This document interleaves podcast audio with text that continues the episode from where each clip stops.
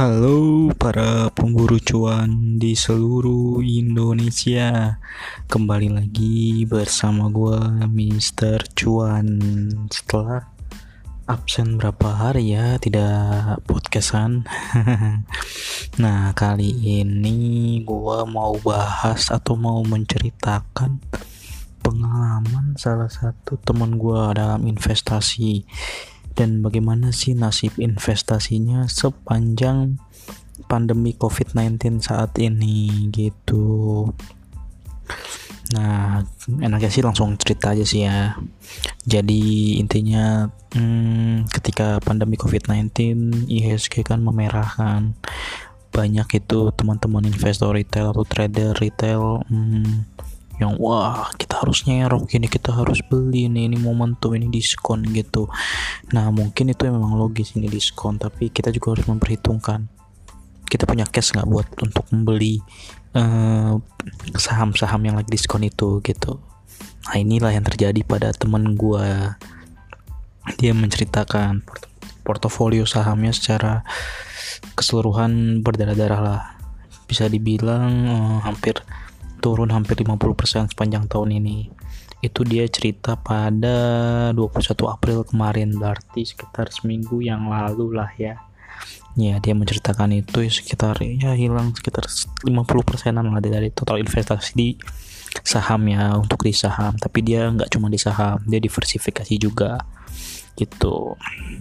Dia teman gue ini nggak mau sebutkan namanya dan dia pun kan, dia nggak mau disebutkan namanya karena dia ingin membeberkan uh, portofolio investasi secara detail. Kalau disebutkan namanya takutnya ada yang menyalahgunakan gitu.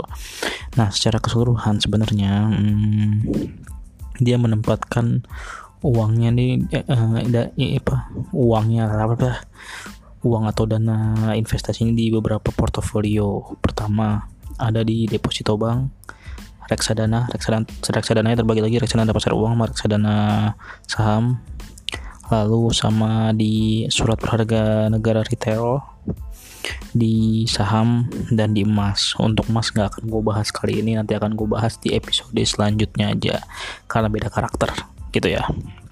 Nah di sini gue akan menceritakan bagaimana dia membagi itu dan bagaimana uh, dampaknya hasil dari investasi di tengah pandemi COVID-19 jadi gini dia, dia uh, bercerita untuk porsi investasinya sih mayoritas berada di deposito perbankan perbankan.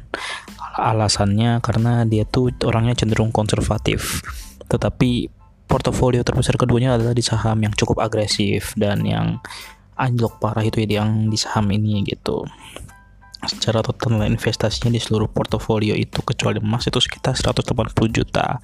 Sejauh ini nilai investasinya sudah turun sekitar 24% secara keseluruhannya gitu. Paling besar turun di saham sekitar 45%. Jadi dia tuh punya seharusnya punya sekitar 56an atau sekitar 60 jutaan di saham. Cuman mm, nilainya turun sekitar 45% jadi sekitar 30 juta sekarang gitu ya intinya dia agak shock investasi saham gue udah hilang sekitar 26 juta. Cuman dia sudah mengetahui memang ada resiko seperti ini. Dan dia bukan karakter trader yang keluar masuk atau cut loss. Ya dia diemin aja lah. Toh dia investnya juga di saham-saham yang blue chip hitungannya gitu. Nah hmm, teman saya ini punya portofolio di 5 saham. Tapi bukan 5 saham gorengan dia nggak main yang kacang-kacangan lah.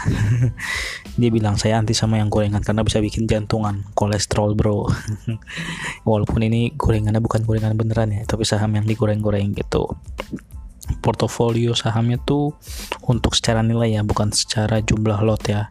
Secara nilai paling besar ada di Astra Internasional atau ASI Nah tahu sendiri kan bagaimana sekarang kondisi saham uh, Astra Internasional lagi anjlok parah. Dari level 7 ribuan jatuh ke 3 ribuan. Dan itulah yang membuat salah satu portofolio saham teman gue nih agak parah dalamnya. Lumayan banget nih. Dia uh, average price yang dia punya saat ini adalah 7200 dan dia belum sama sekali mengaverage down lagi. Kenapa karena dia ingin menjaga arus kas dia nggak mau menaruh di ya, instrumen yang beresiko seperti saham. Dia lebih memilih menempatkan di pasar uang reksadana. Karena kita nggak ada yang tahu seberapa besar sih dampak pandemi ini terhadap ekonomi ke depannya gitu. Dan bagaimana dengan pendapatan dia ke depannya juga. Jadi dia menyiapkan ini untuk dana darurat aja. Jadi dia menghindari saham untuk saat ini.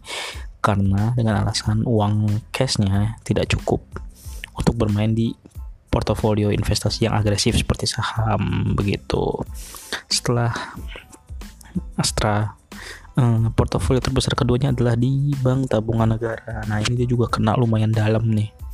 Dia punya sekitar di atas 50 lot di BTN nih. Sayangnya investasi di sana udah susut hampir 60% dari rata-rata harga atau average price yang dia miliki sekitar 2384 per saham sekarang udah jatuh di bawah 1000 sakit itu rasanya. Sakit tapi nggak berdarah. Ya hmm. portofolio yang ketiga yang dia punya di selamat sempurna selamat sempurna ini yang bikin apa ya karburator atau apa sih itu yang peralatan mobil lah. Hmm. kodenya SMSM nah bisa dibilang SMSM ini adalah portofolio dia yang melemahnya paling rendah dibandingkan yang lain gitu. Dia punya rata-rata harga saham SMSM-nya di sekitar 1500 sedangkan di minggu lalu harga SMSM di 1200 gue nggak tahu kalau minggu ini gue belum cek lagi sih tadi. Nggak sempat juga. Nah uh, cuman uh, penurunannya ya nggak bisa nggak cover yang terbesar pertama dan kedua ini gitu.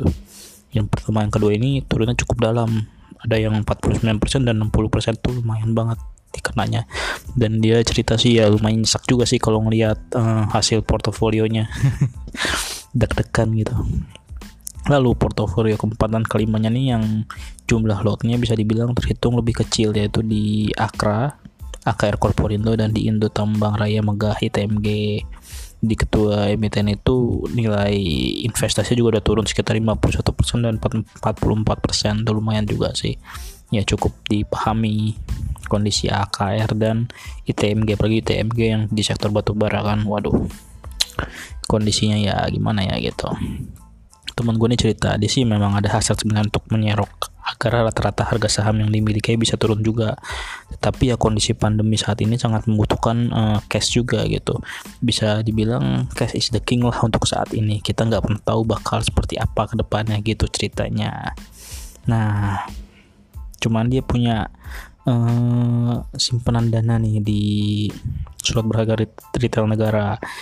Nah, dia berharap surat berharga retail negara yang jatuh tempo pada September nanti ini bisa dijadikan arus kas untuk uh, dia menyerok saham-saham dengan harapan harga saham uh, yang dia miliki belum pulih pada bulan September. Jika dia mendapatkan dana ini, dia akan mungkin dia uh, akan menempatkannya di saham tapi dilihat juga situasi dan kondisi bagaimana dengan dampak ekonomi terhadap dari pandemi COVID-19 ini juga sih dia bilang dia nggak langsung aku bakal masukin cuman dia bakal ngeliat situasi dan kondisi cuman kemungkinan besar dia akan menempatkan dana ini ke saham gitu untuk memperbaiki portofolionya yang pasti sahamnya. Nah ini mungkin dia juga agak katanya agak galau nih untuk BTN dan eh, eh BTN dan Astra juga agak meragukan. Astra pasti akan lumayan tertekan dari segi penjualan. Cuman kalau dilihat dari anak usahanya yang kuartal satu sih uh, Asta Agro Lestari kinerjanya lumayan ya walaupun uh, prospek uh, sawit sendiri pun tengah tertekan di tengah harga minyak dunia yang anjlok dan, dan permintaan yang turun akibat uh, aksi lockdown di beberapa negara tapi itu untuk permintaan hmm, uh, bahan bakar nabati. Nah bagaimana dengan permintaan minyak minyak nabati, minyak goreng dan sebagainya itu masih tinggi kok permintaannya. Apalagi kan kebutuhan orang juga walaupun dia lockdown dan di rumah aja dia juga butuh minyak untuk masakan. Gitu sih jadi harapannya ya mungkin dari sektor sawit oke. Okay. tapi kalau dari UNTR atau dari uh, apa lagi? UNTR auto mungkin agak sulit sih. Agak berat juga Hmm, sepanjang secara perhitungan uh, dia menilai seharusnya dampak dari COVID-19 ini cukup panjang terutama kepada kinerja emiten sepanjang tahun ini. Uh, bahkan seorang pekerja kantornya yang pernah merasakan krisis 1998 mengatakan kondisi pandemi COVID-19 dirasakan lebih parah ketimbang masa krisis saat itu. Kalau saat itu kan masalahnya ada, adalah kerusuhan dan penjarahan serta uh, polemik politik. Tapi kalau dari segi ekonomi mikro zaman 97 tuh nggak terlalu terkenal lah jadi masih enak lah gitu. Sedangkan saat ini kita menghadapi musuh yang nggak kelihatan gitu virus. Dan dampaknya ketika di rumah aja banyak UMKM UMKM yang tidak uh, yang, yang kehilangan pendapatannya ini walaupun dia bukan perusahaan besar walaupun cuma sekedar UMKM tapi dia punya uh, jumlah yang banyak. Sehingga dampaknya bisa besar terhadap ekonomi dan daya beli masyarakat gitu sih walaupun ada yang bilang ya selama perusahaan besar masih bisa bertahan sebenarnya masih aman. Cuman perusahaan besar pun juga mulai keter-ketir juga dengan kondisi yang hampir satu semester dilanda pandemi COVID-19 ini. Gitu. Nah ngomong setelah tadi ngomongin saham yang dia masih mau mau nungguin cairnya jatuh tempo surat berharga retail negara pada September nanti dia pun sekarang emang dari awal tahun sih dia memang udah menyiapkan dana darurat dengan menempatkan di pasar uang. Dia bercerita menyiapkan dana darurat ini eh, yang siap diambil di reksadana pasar uang. Alasannya reksadana pasar uang bisa diambil kapan, kapan pun beda dengan deposito. Kalau deposito tuh eh, lu harus ambil pas jatuh tempo. Kalau enggak lu bisa kena penalti. Penalti itu pun beda-beda setiap bank. Misalkan kayak di BCA uh, kalau lu ambil sebelum jatuh tempo lu nggak akan dapet uh, bunga yang udah ada keseluruhan. Hilang semua bunganya gitu. Kalau di mandiri hmm, lu ambil sebelum jatuh tempo lu bakal dikenakan sanksi 1,5% dari total. 15% apa 1,5% ya dari total hmm, imbal hasil yang lu dapat gitu jadi bisa dibilang deposito kurang fleksibel sedangkan reksadana pasar uang lumayan fleksibel dengan tingkat resiko yang hampir sama. Kenapa? Karena reksadana pasar uang mayoritasnya juga disimpan di deposito. Kalau disimpan di deposito berarti dijamin oleh LPS walaupun untuk reksadana, reksadana pasar uang memang ada uh, bau-bau obligasi jangka pendeknya juga seperti MTN dan sebagainya gitu. Cuman secara keseluruhan kan dia menyimpannya di um, reksadana pasar di bank di deposito bank terutama bank-bank kecil agar memiliki imbal yang tinggi gitu ya harusnya sih aman-aman aja ya dan lebih fleksibel mudah diambil kapan pun kita bisa mantau terus lah. Kalau sudah mulai terjadi sesuatu yang tidak baik langsung kita langsung tarik aja gitu. Mikirnya sih gampang tapi pas kejadiannya nanti susah tarik deg-degan juga. Hmm.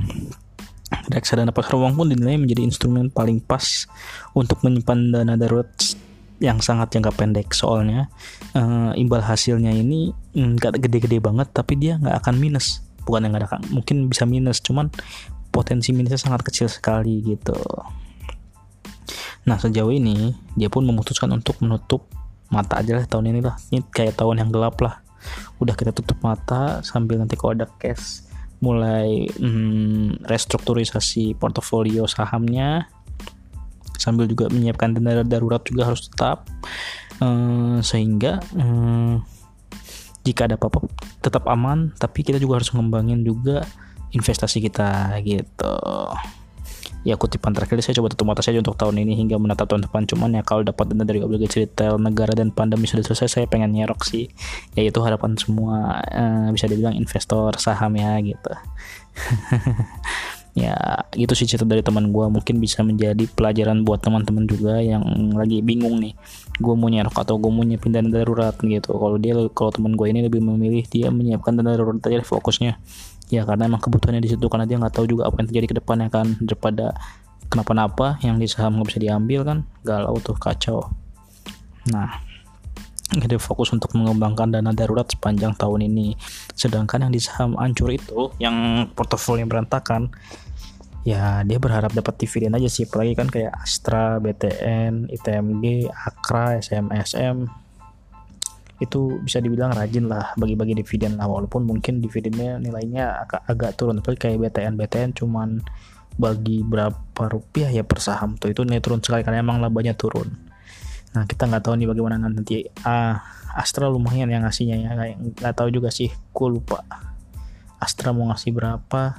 Cuma harusnya lumayan. Lalu Aka juga harusnya lumayan. Walaupun kinerja juga agak turun sih. Nah ITMG ITMG ini adalah emiten yang membagikan dividen yang lumayan besar sebelumnya. Di tahun yang lalu sekitar 3 ribuan apa kok nggak salah tuh misalkan punya 10 lot aja berarti dapat hmm, 300 ribu. Tapi 10 lotnya ITMK zaman dulu masih 20 ribuan. Dan teman gue ini beli di sekitar 11 ribuan atau 12 ribuan gitu. Pas dia lihat ITMG 11 ribu dia langsung udah beli aja deh. Dengan asumsi dia bisa beli ke, ke 20 ribu atau minimal dapat dividennya. Gitu sih.